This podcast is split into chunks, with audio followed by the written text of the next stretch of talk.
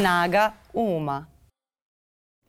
Dobar dan, dragi ljudi, dobrodošli u podcast Snaga Uma. Ja sam Miljana, a danas se jako radujem što sam gostila Jelisavetu Miletić, e, koleginicu podcasterku, e, ženu koja je meni iskreno jako, jako inspirativna i čiji podcast Newsnet mnogo volim da slušam. Mnogo volim da slušam Newsnet od kad je ona deo Newsneta.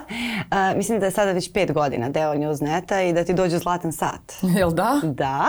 e, dobro, neko si mi rekla da im kažem. Ne, pa rekao, ajde, te, htela sam da iskoristim ovu, ovu priliku da, da podsjetim na to. I sa njom bih voljela da razgovaramo o tom nekom uh, osjećaju koji imamo da jesmo ili nismo dovoljno odrasli, da smo se snašli u životu, da ga razumemo i generalno o tom putu koji prolazimo dok otkrivamo sebe, dok otkrivamo svet uh, i dok otkrivamo uh, one ideje koje su naše i odbacujemo neke koje uh, nam se možda nameću u tom periodu ili saveta dobro mi došla. Hvala na pozivu. Kako si? Uh, pa, dobro. Radim na tome da budem dobra. Izvini malo na ovoj interaktivnoj najavi. Mislim da svi uh, radimo na tome da, da budemo dobro i dalje. Uh, kako ti se čini ova tema i to kad kažem to snalaženje u odraslom životu? Šta ti tu prvo padne na pamet? Ja kad sam to pročitala da, da, da želiš da razgovaraš sama, bila sam pozorna kako je nas tekla utisak da ja to, da sam se ja snašla. Ali dobro, drago mi je da, da eto, da, ljudi imaju utisak da sam se snašla u, u životu. Mislim da, da se snalazim. Uh -huh. Mislim da uh, učim život i dalje i mislim da je to neka stvar koja uh, em što nije linearna, em mislim da nikada se nekako ne završava. Barem ja želim da verujem da je tako, jer ne, da bi se čovjek razvijao, napredovao uh, i lično i profesionalno, čini mi se da nekako stalno mora da se uh, ili često preispituje, onako kopka čapka tu posebe neka pitanja i da se menja prosto, jer um, i što bi rekao Bajaga, samo kamenje oblik ne menja, ali tako? Da. Uh, tako da da, uh, mm, ne znam šta je, uh, šta je dalje bilo pitanje. Zaboravila sam, sad smo se... Opusti se.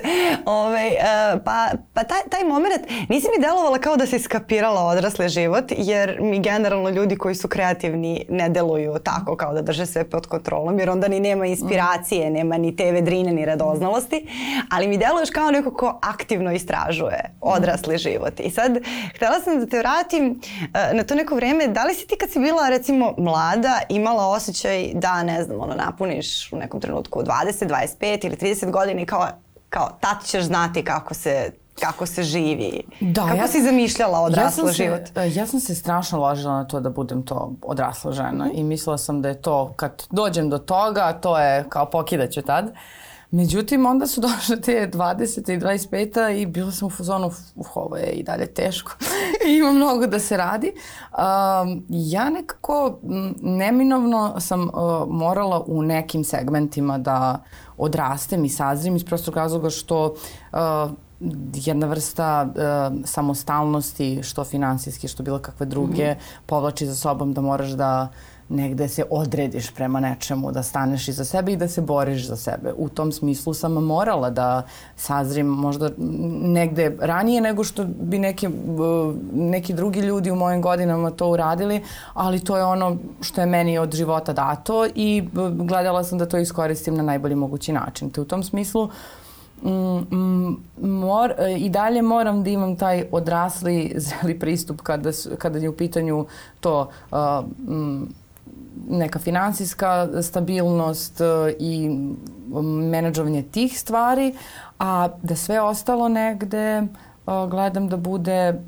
ne, da bude onako razigrano. Ne, ne, nemam, ne doživljavam u tom smislu ni sebe, niti volim da uh, posmatram život kao nešto previše ozbiljno i strašno, jer mi to stvara neku vrstu anksije i, i straha, ali m, opet moraš, mora čovjek da se odredi prema nekim stvarima, a da bi se odredio moraš prosto da m, se prispituješ i da nekako odgovaraš na neka, na neka pitanja kao kakav ja odnos imam prema ovoj temi, kakav imam odnos prema ovoj temi, kakav ja čovjek hoću da budem, šta mene čini srećnom i da onda u tim davanjem tih odgovora zapravo ti sebe pozicioniraš negde i, i nekako stasavaš. E sada um, možeš da teraš, teraš kroz život i da se nikad ne zapitaš neke stvari i ja ne znam da li je to dobro ili loše u smislu uh, svako dobije neku svoju porciju jel te, života i, i datosti nekih. Neki ljudi se možda neka pitanja nikad ne zapitaju pa ih možda sačekaju u 40. i 50.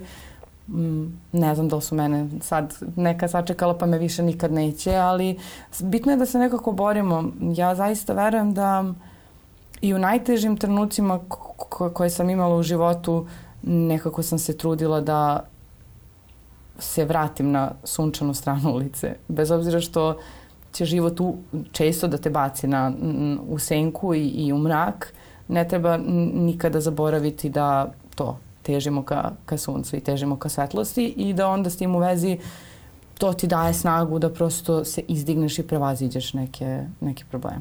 Mi smo tu negde slična, slična generacija. Uh, dakle, generacija koja je bila mala u tokom 90-ih, za koje svi znamo kakve su bile i, i kako su se odražavale i, i na živote ljudi koji su tada recimo bili ono mladi, te krenuli da izlaze i na živote generacije naših roditelja. A, a kako je to delovalo? Ti si odrastala u Kragujevcu. Kako je to izgledalo u školi, na ulici, u tom okruženju? Čerka si našeg uglednog novinara koji uh, je, da kažem, bio aktivan u tom periodu. Uh, izlagao se za slobodu govora, ako mm. tako mogu blago da se izrazim. u najmanju ruku. Da, da u najmanju ruku. E, tako radio svoj posao vrlo odgovorno. E, kako je to izgledalo tada iz tvog ugla, a, a kako na to gledaš recimo sada kada vratiš film? Pa, e, kad, kad si mali i kad je to, to okruženje, ta porodica, o, jedino za šta znaš, ne znaš ne za neku drugu porodicu, odnosno možeš ti da vidiš, ali suštinski, iskonski ti poznaješ svoju porodicu, da. onda je to nekako normalno. Meni je od uvek bilo normalno da se ide na proteste kada je neki problem, jer sam od malih nogu išla na proteste sa mamom i tatom, Pa smo kasnije ono sestru kolicima, kolicima gurali i išli na te proteste. Bilo mi je od uvek normalno da se pobuniš i da pružiš podršku nekome koji u nekom problemu. Jer je to važno, prosto treba da budemo ljudi. Te stvari su mi nekako, kažem, bile normalne, a onda, naravno, odrastanjem shvatiš da nije, nije to svima tako. I da je to negde i okej, okay, ali da onda vremenom treba čovek da stasa i da sam neke vrednosti, jel te usadi ako mu roditelji nisu usadili. Bilo je, mislim, ja se, ja sam osjećala u nekom smislu obeleženo i o, i u dobrom i u lošem smislu. Ja sam ponosna, što sam milijardu puta rekla što sam čerka uh, svojih roditelja. I to je sa sobom naravno nosilo i pozitivne konotacije u smislu ljudi koji su cenili uh, rad i ono što su moji roditelji i moj otac i moja majka radili mm. za, za prosto Kragujevac i društvo. Ali s druge strane postoji ljudi koji to nisu cenili, koji se s time ne slažu i onda samim tim i ta negativna konotacija se nekako preliva preliva i na tebe. S druge strane, kao žensko dete, uvek sam to uh, bilo važno kao ona je njegova čerka, znaš. I onda sve što dobiješ, ako će neko ti učini, nekako kao da ti čini zato što si njegova čerka. Ja priori ti daju neke možda osobine koje ti nemaš. I onda sam ja odmah nakon srednje škole stvarno imala potrebu da odem, da studiram i da se nekako profesionalno izmerim i ostvarim, da vidim ko sam i šta sam tu ja, ne odbacujući ono što mi je dato, uh, od mojih roditelja, ali preispitujući i gradići, gradići ono što ja mislim da treba da treba da budem. Tako da uh, bilo je i nezgodnih trenutaka u smislu to nosim uh, otpor beđeve u osnovnu školu pa me onda kao što to ne sme da se nosi, što ne sme da se nosi, šta ti to znači pesnica i tako. Kako ne sme da se no, ne smeš da nosiš uh, pa da, beđ otpora? Da, jednom sam došla u školu i to je znaš kao bila fora, bile su različite boje, tipa crveni, crni, uh mhm. -huh. beli, zeleni, pa to kao ako imaš ne znam neku boju ti si ona car. I ja sam to nosila na, na majici jakni i uh, došla sam jedan dan u školu i rekli su kao ne, ne, o, ne, smeš da, ne smije da se nose beđevi. I ja, pošto sam tako uh, brljiva, nije brljiva, ali sam vaspitana da prosto uh, ako mi nešto nije jasno, da imam slobodu da odem da to pitam, lepo, vaspitano, fino. I ja sam se popela u nastavničku salu i rekla, dobar dan, izvinite, ja sam čula da ne smije da se nose beđevi, meni su mama i tata dali da ih nosim, pa samo da pitam, jel kao sme ili ne sme, prosto. I onda tadašnja, ja mislim, direktorka škole uh, mi je stala i ovako stavila fa, uh, pesnicu ispred faci, bilo u fazonu, a šta ti znači to? Kao, šta to sad znači? Ja sam bila apsolutno šokirana time. Kasnije sam to, ne znam da li dalje bila to ona neki ono SPS kadar ili tako nešto, pa je zbog toga bila. Ali bilo je tih situacija, ali ja ni u tom, u tom e, slučaju nisam bila nešto uh, zastrašena. Uh -huh. Ja sam znala da je to da to nije okej okay što se tako dešava. Ali ja nisam bila neko ko će da se povuče posle toga i da bude u fazonu izvinite, izvinite, evo skinut ćemo bedževe i kao kriću da sam išla na proteste popodne sa mamom i tatom. Ne, to me nije zanimalo zato što uh mhm. -huh. nekako mi je bilo važno to, prih, to prihvatanje i ono što se mi u porodici našli u nekoj, nekoj kor grupi dogovorimo, pa i tada, a i sada. I jeste bilo teško, ne, ne volim da kažem uh, da sam bila uh, drugačija, jer mi to zvuči pretencijozno, ali uh, čini mi se da sam po nekim parametrima možda iskakala iz onoga što bila neka uh, društvena prihvatljiva normalnost i što se tiče ponašanja i što se tiče odevanja i tako dalje. I tu ja sam doživljavala neke vrste uh, ono, vređene odbacivanja, vrš, vršnjačkog nasilja i tako dalje um, s kojima sam se stvarno onako naravno teško nosila kad sam bila klinka i koje mislim da i dan danas imaju uticaja na mene kao odraslu uh, ženu, što rešavam na terapiji, ali nema veze. Um, jednostavno to nije novost prosto. Čekaj, kad kažeš vršnjačko nasilje, uh, tih godina to nije postojalo ni kao termin. To je bilo nešto što ti se dešava i ti čak znaš da nije u redu, ali ne možeš baš ni da ga, nemaš ni neku fioku u, kom, u koju bi moga, mogla da, da ga smestiš. Kako si to doživljavala tada? To je baš... Uh... Ja, da, mi to nismo doživljavali, to jest nismo nazivali tada kao vršnjačko nasilje, ob, objašnjavano je kao on je zaljubljen u tebe, pa uh, dečak je on je zaljubljen u tebe, a ako te devojčica maltretira i naziva kurvom u osnovnoj školi, onda su one ljubomorne, jel te? Da. I uh, ja sam za to reč kurva saznala preko ispisa na zidu u osnovnoj školi i naravno da sam se teško nosila s time i jako patila. Uh, dečaci koji su nekako uh, fizički uh, tim uh, ono u pubertetu naloženi ko budale i onda kao vide da su tebi porasle grudi i onda to štipaju, udaraju, guraju u ćošak pa se onda kao nešto tu ređu. Ja sam ono znala da to nije okej okay i uvek sam to prijavljivala to razredno, razredne nastavnicima i tako dalje. I onda sam još dodatno bila osuđivana kao što si drukara, mislim, kao što, kao što ne prihvapa, kao ćuti, mislim, šta sad, tužakaš. Ali... A kako su te nastavnice reagovale tada?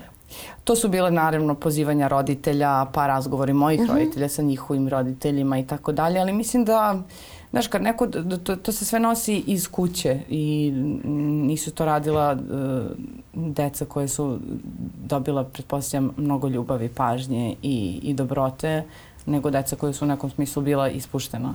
Meni je najče bilo kad mi je jedna, jedna riba na, na maturskoj, da posle pet godina mature kao prišla uh, i bila u fazonu kao, e, nadam se, mislim, sad kao da smo okej okay, da to ovo ostalo i za nas. I onda sam ja bila šokirana da uopšte neko ima potrebu da dođe da mi kaže to, a onda posle nekog vremena skapiram pa da li čak i ova osoba svesna da te stvari koje je radila nisu bile cool.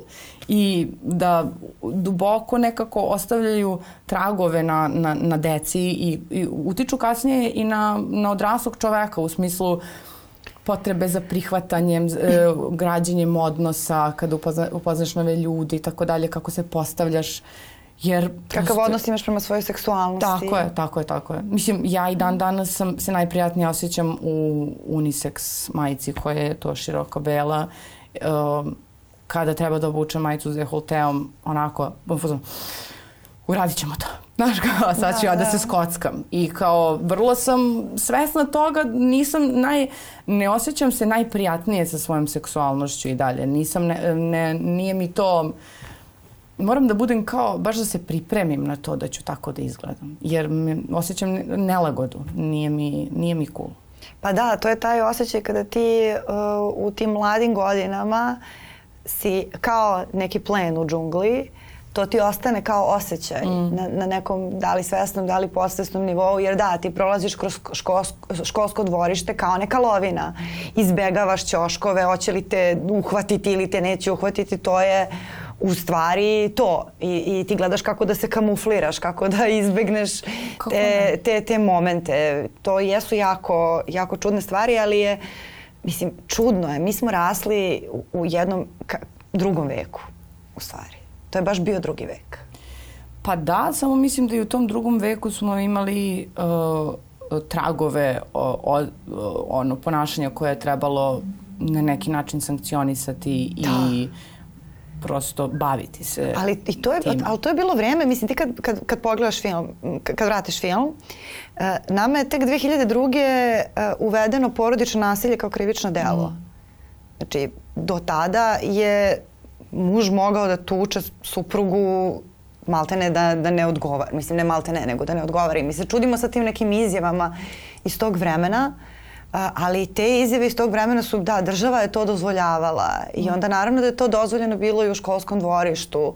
Prosto baš nije postojala svest. Ja mislim da sve ovo o čemu mi danas govorimo tada nije bilo ni u tragovima. Tako mi se čini, ne pa, znam. Da, bilo je samo u osjećaju nekom, ali ne znam ni koliko smo kao ne znam, devojčice među sobom kao drugarice koliko su stvarno pričala otvoreno kao što danas imaš to tampon zonu, pa se o tome govori i javno, pa i žene i odrasle i mlade i ovakve onakve razmenjuju utiske. Prosto kao da je probijen taj stid.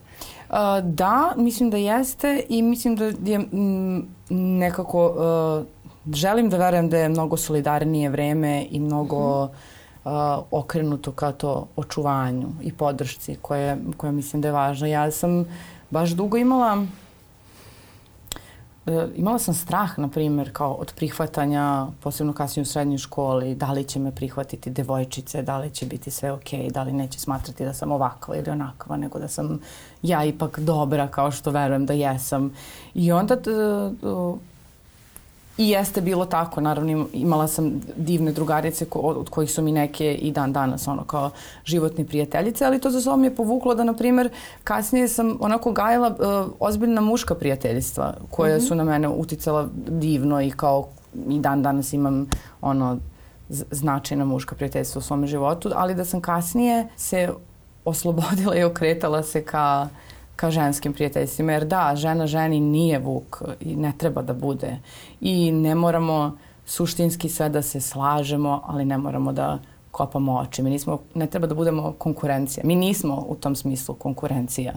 A postavljeno je nekako tako da uh, budem uh, zajedljivije, da onako ljubomornije, da gledamo ispod oka, da komentarišemo, kao da Kao da smo, ne, kao da smo neprijateljice. Da, i to se tada dosta hranilo i u medijima. Mislim, tada je recimo bilo potpuno normalno da bilo da je reč o svetskim zvezdama ili o domaćim, da imaš one rubrike kao stylinga, pa kao koja je žena lepša, da se porede dve mhm, žene. Mhm. Magazin koji je namenjen ženama poredi dve žene po lepoti. Što je realno sada potpuno, mislim, zamislite da danas to tako nešto izađe. To bismo svi svi bismo rekli nemojte više nikada da kupujete ove novine, ovo je užasno. Ali tada je to bilo normalno, to je bio maltene standard i moda je bila takva, ono, odjednom su silikoni postali moderni i sve postalo baš onako kao neka poslednja, kao tamna, tamna noć duše pred ovaj, feminističko osveži, o, osve, o, bože. Osvežavanje. Osvežavanje, da. Uh, osnaživanje uh, koje je došlo, došlo posle. Meni tako deluje taj period u kojem smo mi bile klinke. Uh, da, s tim da ja zaista mislim da uh, situaciju u kojoj trenutno živimo na globalnom nivou kao žene uh, diktira jedan određeni stil, uh, uh, standard lepote koji je često nedostižan. I da je to uz sve ono feminističke pokrete i želju da se prihvatimo nekako kao sa strane neka pretnja stoji. I meni je uh, uh, krivo mi je, pokrenula se tema nekoliko puta o e, ono, e, količini, to je porastu broja estetske hirurgije kod, mla, uh mhm. -huh. kod mladih devojčica i tako dalje. Uh, slušala sam Idu Prester baš apropo te teme kod Ive u tampon zoni i naravno slušala sam i Mariju Ratković na, na temu da, kao uh -huh. treba prosto ako žena želi da to, mislim, naravno da da, ali s druge strane uh, mislim da je taj trend globalni tih nekih standarda lepote koje su krenuli to od silikona u, u grudima, a danas završavamo sa svakojakim filerima, prosto od, malo otišlo u drugu krajnost. Yes. I naravno da svako treba da, uh, uh, svaka žena, mislim i muškarac i žena treba da radi na tome da bude najbolje, da se osjeća najbolje što može u svojoj koži i da ima tu sigurnost i neku, neku vrstu uh, samopouzdanja. Ali mislim da ona pre svega treba da ide iznutra. Mora, I, I da, uh, jer ako je danas trend uh, da imamo ne znam ka, kakve zadnjice, a ne znam kakav struk, to je trend koji za 10 godina će biti neki drugi. I šta sad mi sad treba da jurimo za, za, za dupetima i strukovima i da to bude ispunjenje. Ja mislim da mm, mm, ok da, ali čini mi se da ono što je unutra naše kao ljubav prema sebi, iskrena i prihvatanje sebe u svim oblicima koja je, koja je, koja je nepromeniva kategorija, mislim da treba da bude preimperativ. Treba da bude imperativ, ali ja nisam sigurna koliko je to moguće kad imaš 18 ili 20. Jer ja ako ću da budem iskrena sada, znači ja ništa nisam radila na licu sem ono, tretmana, nekih higijenskih i to. Niti želim. Ne mogu ni nokte veštačke, ništa što je trajno. Uh, ali znači da mi je neko sa 18 ili 19 godina došao i rekao šta hoćeš da operišeš. Znači ja, bi, ja mislim da bi i kolena operisala u tim godinama. Zato što su nesigurni. Jer, da, i onda kada razmišljam kao bukvalno kao be, siromaštvo bez spaslo od samouništenja. No. Da. Kao to je taj neki ono moment, jer to nije bila opcija tada. Uh, Ali ja stvarno ne mogu da zamislim kao sebe da sam bila u nekoj drugoj porodici, recimo da mi je mama bila to, ma dobro maco, evo, hoćeš za 18. rođendan, hoćeš silikone, hoćeš usta, hoćeš, ne znam, na ramenice, šta god hoćeš. Mm. Znači, ne znam kako bih izgledala. Ne znam kako bih se danas osjećala sa svojim telom. Pa da, ne, ne, ne znam ni ja. Ja se zaista mm. trudim da, da, da razumem drugu stranu. U smislu, to što mhm. ja nešto ne želim da radim na svom telu, ne znači da je pogrešno ako neko drugi želi da, da radi da. na svom telu i to treba prihvatiti i slažem se sa time. Međutim, uh, u tim mladim godinama... Ti još ne znaš ko si. Da, mm. i to kupovina grudi za 18. rođendan meni, meni iskreno to, ja to ne mogu da razumem. I ne, neću sad da kažem ja to osuđujem, to nije, ne znam, jer ko sam ja da kažem šta je normalno i nije mm. normalno. Ja to prosto samo ne mogu da razumem, ne mogu da stanem iza toga i da kažem da, to je super. Mislim da e, treba da se kao mnogo više pažnje posveti na e, kao razvoju ličnosti i prihvatanju sebe, pa ćeš onda kada već ono dođeš u neke malo zrelije godine, ako je to zaista tvoj kamen spoticanja, pa majku mu onda uradi ako će to da te učini srećnom. Ko, što sam ja tu da sad kao to, to odeljim da li je to ok ili nije ok. Ali mi se čini da kao mlade devojke prerano uh, ulaze u to prosto iz potrebe naravno za prihvatanjem. Svi mi želimo da budemo prihvaćeni, svi mi želimo da budemo lepi. To je najnormalnija stvar na svetu. Mm -hmm. Nije samo što nekada je moglo da to dođe s drugačijim, kako bih rekla, setom, a danas dolazi sa ono hiljadu jednim uh, filerom. I sada kako, uh, kako te je promenio uh, kako te promenilo to prebacivanje u Beograd i to, to preseljenje, to osamostaljivanje? Um, Kad si izašla iz te Pa ipak ušuškanost i ljubav, jer si odrasla u suštini okružena i ljubavlju i poštovanjem. Pa da, da. Uh mhm. -huh. Bilo mi je bilo mi je cool, mislim, ne mogu da, da grešim dušu, zaista sam se osjećala kao svoj na svome. I uh, ne mislim to u nekom smislu da ja sam došla u Beograd i to je, to je sve bilo super, ne, kao to su godine, godine i godine um, traženja, uh, ustajanja, padanja i kao pronalaženja mog koordinatnog sistema, konfuzije. Koja je to otprilike godina bila kad si došla, se sećaš? 2010. na primjer. To je tek posle ekonomske krize, tada je da. baš bilo ono tržište rada u da, da. problemu. Tada da, da. u Beogradu bilo kao radiš za 300 evra koji ti Super daju na ruke, da i vidjet ćemo da li ćeš raditi sledećeg meseca. To je Da. baš nezgodno. Bilo je nezgodno, mislim, i, sam, i studiranje u smislu da nisam ja sad imala neke, neku kintu da se sad bahatim. Uh, s prve honorare sam trošila na ono, osnovne stvari koje su mi falile, tipa to čizme, cipele, šal, tako. Mislim, nije da kao, ne mogu da. kažem, živjela sam u bedi, to je zato što sigurna sam da, da, da ljudi žive i, i sa mnogo manje i da imaju sve, pa je u tom smislu ne želim da budem bahata, ali nije to, e, bilo je svakako borba. Mislim, Da, ja to je taj osjećaj da ti večito nešto fali. Jeste Da. i o, ja sam od samog starta znala da prosto moram da krenem što pre da radim. I prvo sam jurila te honorarne poslove o, zbog fakulteta i svega, a kasnije čim sam krenula zapravo na master ja sam o, morala da se i kao zaposlim, zaposlim. I znam da prva plata koju sam imala, sam rekao, jao tata, vidi koliko ću para da dobijem, manju fazonu sećam. Ajde kao plati a, stan, plati račune i kao kad ti ostane, ja sam fazonu, ali da, to je opet kao mnogo para, ja samo nisam imala toliko para na gomili, Da, kao da. ne znam, 20.000 na gomili, Da. nisam imala. Imala sam, ne znam, po 4-5 nedeljno koliko ti daju.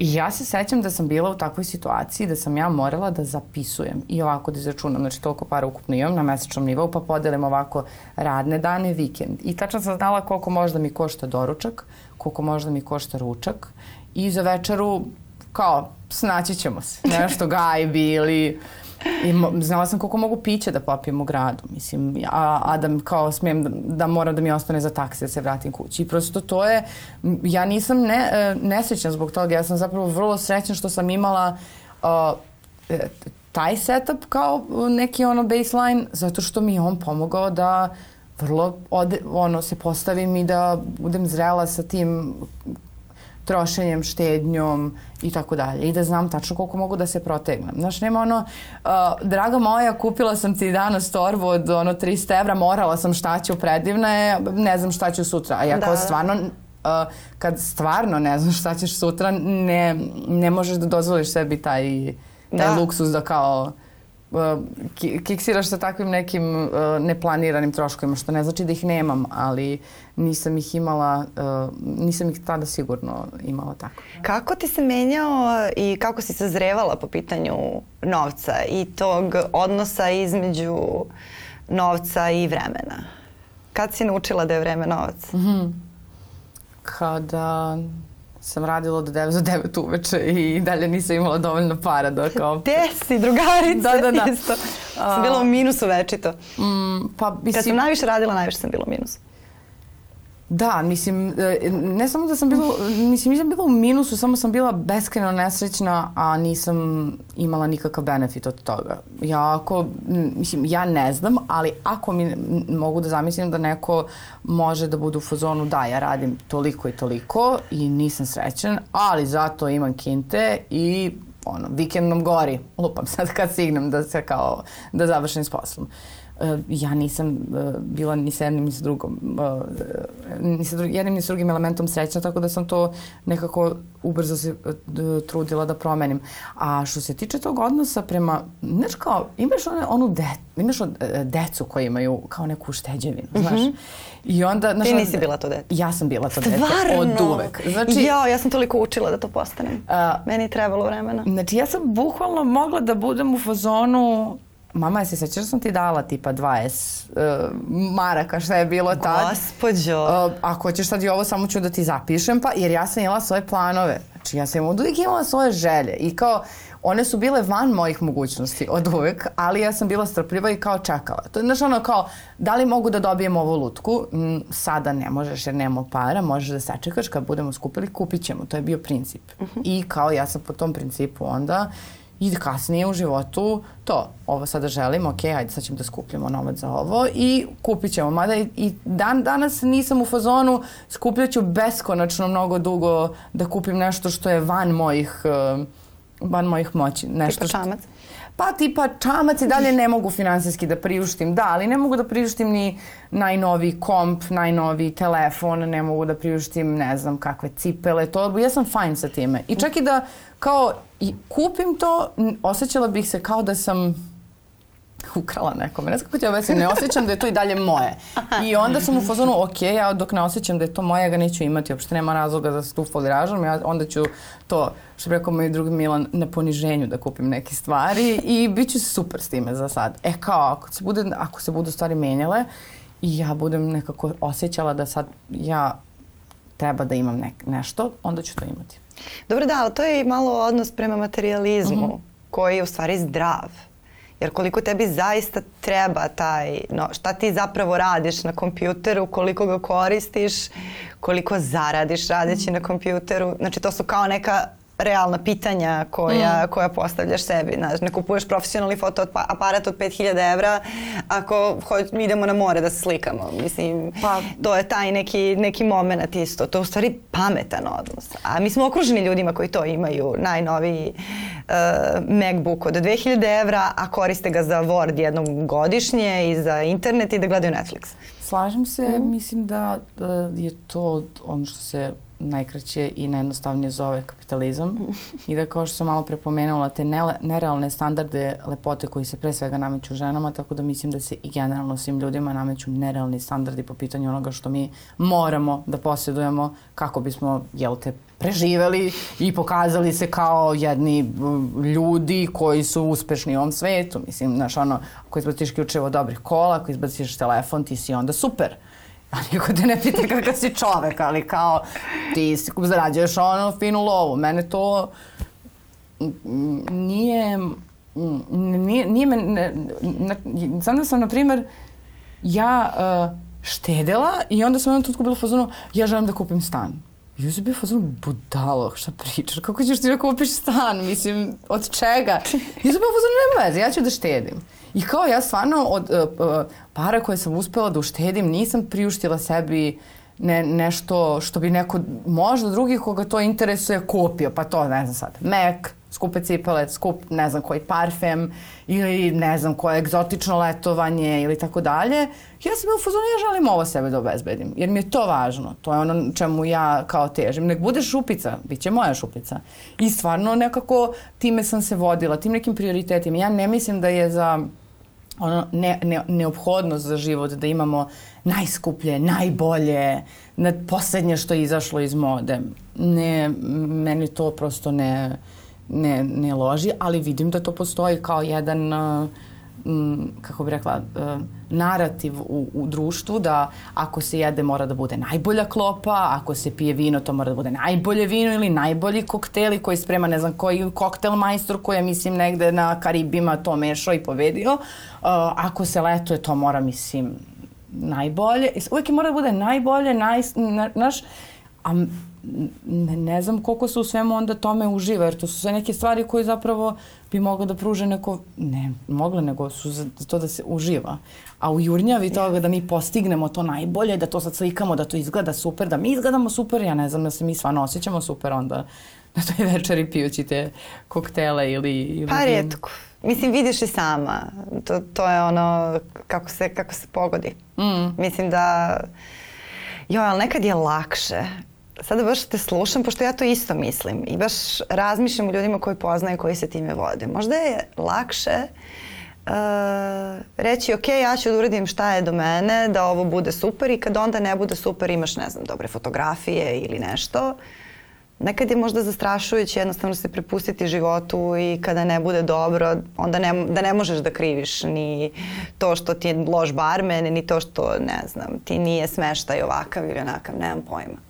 Moguće pa, da je to da, neki men, eskapizam. Moguće je to i moguće je to da, da bi se vratio malim stvarima i da bi sreću pronašao u njima i u običnim stvarima kao što su, ne znam, uh, bleja na kališu, uh, šetnje uz reku, uh, vikend na, ne znam, pijaci i omiljenom kafiću, ti moraš da imaš neki zdrav odnos i sam sa sobom i sa nekim, da te ne treba impresija da bi nešto bilo lepo, nego da već da da mi već imamo suštinu i da je ona lepa i da nam nije sad potrebno wow efekat da bi se osjećala wow, nego možemo da budemo mnogo srećni što smo zajedno i što nam je tako lepo jer smo sad mi tu i nebitno je gde smo. Znači da smo ono u Budžaku ili smo na Maldivima, ali kao mnogo nam je lepo jer to imamo. A sad ako skloniš uh, te neke stvari, mislim onda je tu pitanje kao odnosa i međuljudskih i kao prema sebi, da li ti je neophodan, zašto ti je potreban stalno taj wow efekat?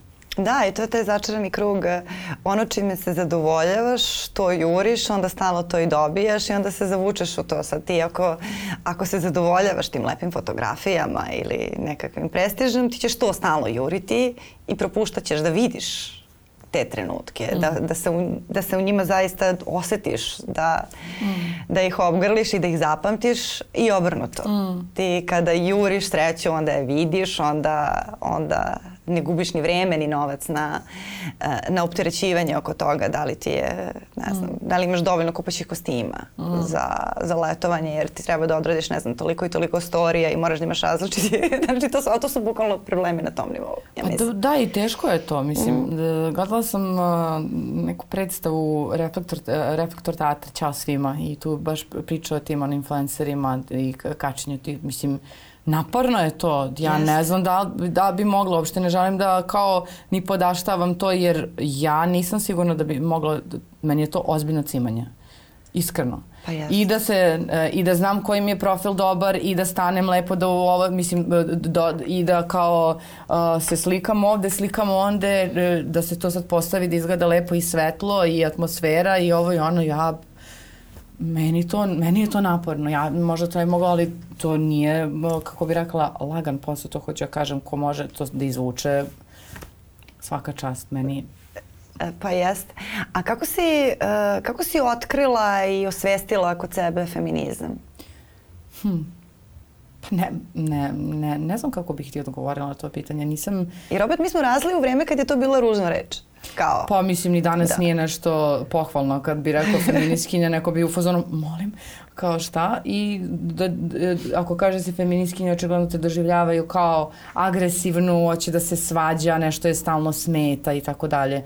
Um, ja ne znam kada sam o, otkrila to, prolazila sam razne faze, to mogu da kažem, uh mhm. -huh. zato što jeste ovo društvo imalo negativnu konotaciju prema tome i ja sam sama doživljavala uh, možda na početku kao mlada uh, žene koje su bile feministke kao nešto zajebano. Uh -huh. Ali uh, uh, onda vremenom nekako samo shvatiš da su to sve naše lične borbe, zajedničke i da tu nema Ja možda ne, nisam čitala uh, ono feminističke studije, razvoj i ostalo da bi, uh, da bi mo, mo, znala kada treba i kako pružiti podršku i pomoć nekome koje ili se ujediniti za neki problem. Znači, to je super jedna uh, analiti, analitičarka rekla sad o, ovih dana oko medijskog izveštavanja i svega, kao ne moraš ti nužno da znaš na pamet ceo novinarski kodeks da bi mhm. izveštavao kao čovek pre svega u trenucima najveće tragedije. Isto tako ne možeš biti prekaljena feminiskinja da bi znao ka, u kom trenutku i kada treba da uskočiš pružiš podršku nekoj ženi i staneš iza, iza nekog ono, problema. Tako da um, možda sam poslednjih par godina vokalnija po tom pitanju, ali i zato što, mislim da je to i zato što ja imam uh, priliku da se češće čujem jel, to u javnom prostoru, što zbog podcasta, što zbog uh, uh -huh. uh, intervjua, ali mislim da to nije od kao od, od, od juče uh, situacija, nego da je nekako se prirodno, uh, prirodno kod mene uh, razvijala. I da, da, paralelno s tobom. Pa da, pa da, da se gde se i ja kao žena osvešćujem i samim tim onda mogu da osvešćujem i taj deo svog uh, uh, feminizma. Mislim da to je nekako neodvojivo. Kad ne, neka žena kaže to kao mene te feminističke to ne zanima i kao to mi samo nazadujemo, ja sam u fazonu, to je prosto nemoguće da govoriš. Nije, pa nije, da. Nije istina, ali To je jezivo. uh, pa, da, ne znam da li je jezivo, ali mislim da je uh, objektivno situacija u kojoj se društvo nalazi i to nam je datost s kojom mi sada treba da vidimo šta ćemo da radimo. I uh, pre, pre, što pre prihvatimo, znaćemo kako da, da, da, da te stvari uh, nekako menjamo i da objasnimo da mi nismo neprijateljice i da ne želimo loše to kad se borimo da imamo jednake, jednaka prava, jednake plate, da ne može da nam neko kaže ovo ili ono, da želimo rodno senzitivni jezik i da to nije ništa, ništa nakaradno i da nikog ne vređamo time, da i dalje želimo porodice, da i dalje želimo decu, ali da je okej okay ako ne želimo decu. Sve to kao mora da se nekako malo a, možda i e, ne, nežnije nekad objašnjava, da se, ne, da se umanji taj svađalački ton, jer mislim da njime ne, ne postižemo ništa. A da li misliš da zaista postoje ljudi koji uh, realno ne razumeju? Jer o tome se govori poslednjih 20 godina, poslednjih 10 godina možda intenzivno. Meni se nekad čini da svako koga je zanimalo je skapirao. Da su ostali samo oni koji se to prave da ne znaju, koji, koji, koji svesno spinuju i feminizam i ideologiju i tu potrebu da ti sada uh, time što se boriš za svoja prava i što ih, uh, što osnažuješ sebe da ti sada ima želju da ne znam, porobiš muškarce ili šta već. Uh, ne znam, baš imam dilemu po tom, po tom pitanju pa me zanima šta ti misliš. Mm, meni se čini da postoji jedan broj ljudi koji su prosto zacrtali da je to tako i sa njima ne znam kako bismo. To. Ali mislim da postoji i o, dobar broj ljudi koji suštinski samo ne kapira. Ja sam e, skoro sa jednim svojim ortakom gledala He Stand Up, uh, uh, stand uperka u pitanju, uh, koja uh, priča o tome kako uh, je super što ona nema decu. I kako njoj je super zbog toga. Uh -huh. I kako je super što nema stalnog partnera, nego to živi jedan život i objašnjava sve uh, pozitivne strane žene, ko, kako se osjeća žena koja nema decu. I njegov utisak je bio kao, što ona sad to priča, ona sad reklamira. Rekla, kao da sad reklamiraš to, jer kao ako sam se ja sad pitala da li ću ili neću imati decu, ova žena će me sigurno prevesti na tu stranu. Sve ne, ne, ne, čekaj polako. Znači, ona ima pravo da kaže da je super. Pa kao ima što, što priča o tome. Pa kao je li okej okay da kažeš ja sam srećna što sam se ostvarila kao majka. A što onda nije okej okay da kažeš ja sam srećna što se nisam ostvarila kao majka. Šta je razlika?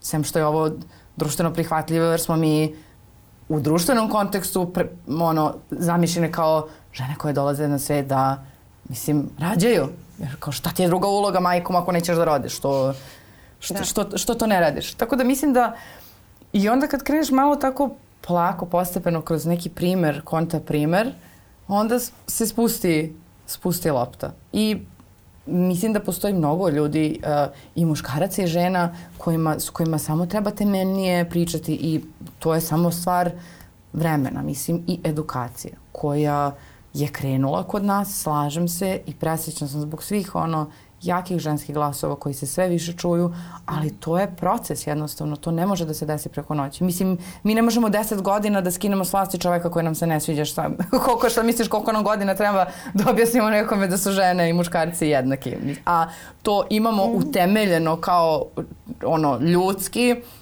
de, de, desetinama de, godina, oko stotinama godina nazad. Mislim, kako ti sad nekom matru da objasniš da to tako ne može? Jeste, kako bih voljela da sam mogla, sad kad si rekla mi 10 godina ne možemo da skinemo čoveka sa vlasti, da sam mogla da kažem hold my beer. Da, da. To bi tako bilo divno, ali, ali još uvek nekako je to previše, previše nezahvalno reći. Ali kako sad privodimo ovu kafu kraju, moram da te pitam i za to vi se sada vraćate, vratili ste se u stvari, ovaj, već uh, snimanju podcasta nakon dana žalosti i svega što se dogodilo. Moram da te pitam kako se i ti i ekipa nosite sa svim tim, koliko su se stvari promenile, jer ja kada sam pogledala vašu epizodu koja je trebalo da bude emitovana 3. maja pa nije, e, zbog pucnjeve u osnovnoj školi Ribnikar, zaista sam imala osjećaj kao da je to neka epizoda koju gledam od pre 10 godina, jer je za tih nedelju dana toliko toga mm. se desilo i toliko toga i sazrelo, e, pa me sad zanima kako, kako to izgleda kod vas iznutra. Uh, mi smo odlagali ne jednu nego više e, sni, e, više snimanja epizoda. Dve nedelje. Da, da, trebalo je da snimamo i popcast uh -huh. i mhm. podcast, međutim e, jednostavno nismo mogli. Prva epizoda koju smo snimili jeste popcast e, i onako bilo je jako čudno i teško da se da se uspostavimo. Čak i do posljednjeg trenutka smo bili u fazonu da li da otkažemo, kao jel možemo mi to. Um, međutim, snimili smo i drago mi je što smo snimili jer nekako dali smo nešto dobro da ne, malo ljudima da, da mogu da se uh, da skrenu misli ako ništa drugo.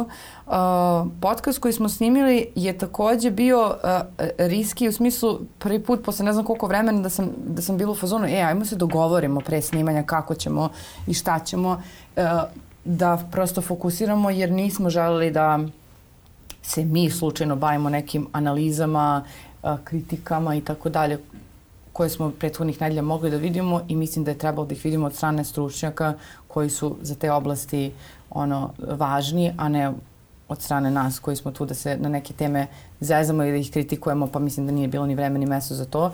Tako da je naš fokus ove nedelje bio na, na protestima i onako mislim da smo uh, uspeli da sublimiramo uh, svo nezadovoljstvo uh, na jedan dobar način. Mislim da m, će se ljudima svideti epizoda koja je izašla ove, odnosno prošle nedelje ako... Da, po, ide u ponedljak. Da. Kakav je tebi osjećaj bio na protestima? Uh, ohrabrujući. Kakve su tvoje predviđenja za budućnost? Ajde kao, znaš ono što si imao, pop, ajde poruka za kraj, da, jedna poruka, poruka za, za laku noć. uh, mogu samo da, da, da, da osnažujući i ohrabrujući je osjećaj bio na, na protestima i nadam se da će tako da se nastavi. A, prognozi nemam, ali ako za kraj treba da kažem nešto kratko, Milan Marković je lepo napisao u onoj pesmi a, mrak nije najgore mesto, strah je najgore mesto. Tako da nemojte se bojimo, nego možemo lepo zajedno udruženi mnogo više da na ulici postignemo. Mnogo ti hvala na razgovoru. A hvala i vam. Mi smo tu i sledećeg ponedjeljka na Nova RS. Prijetno.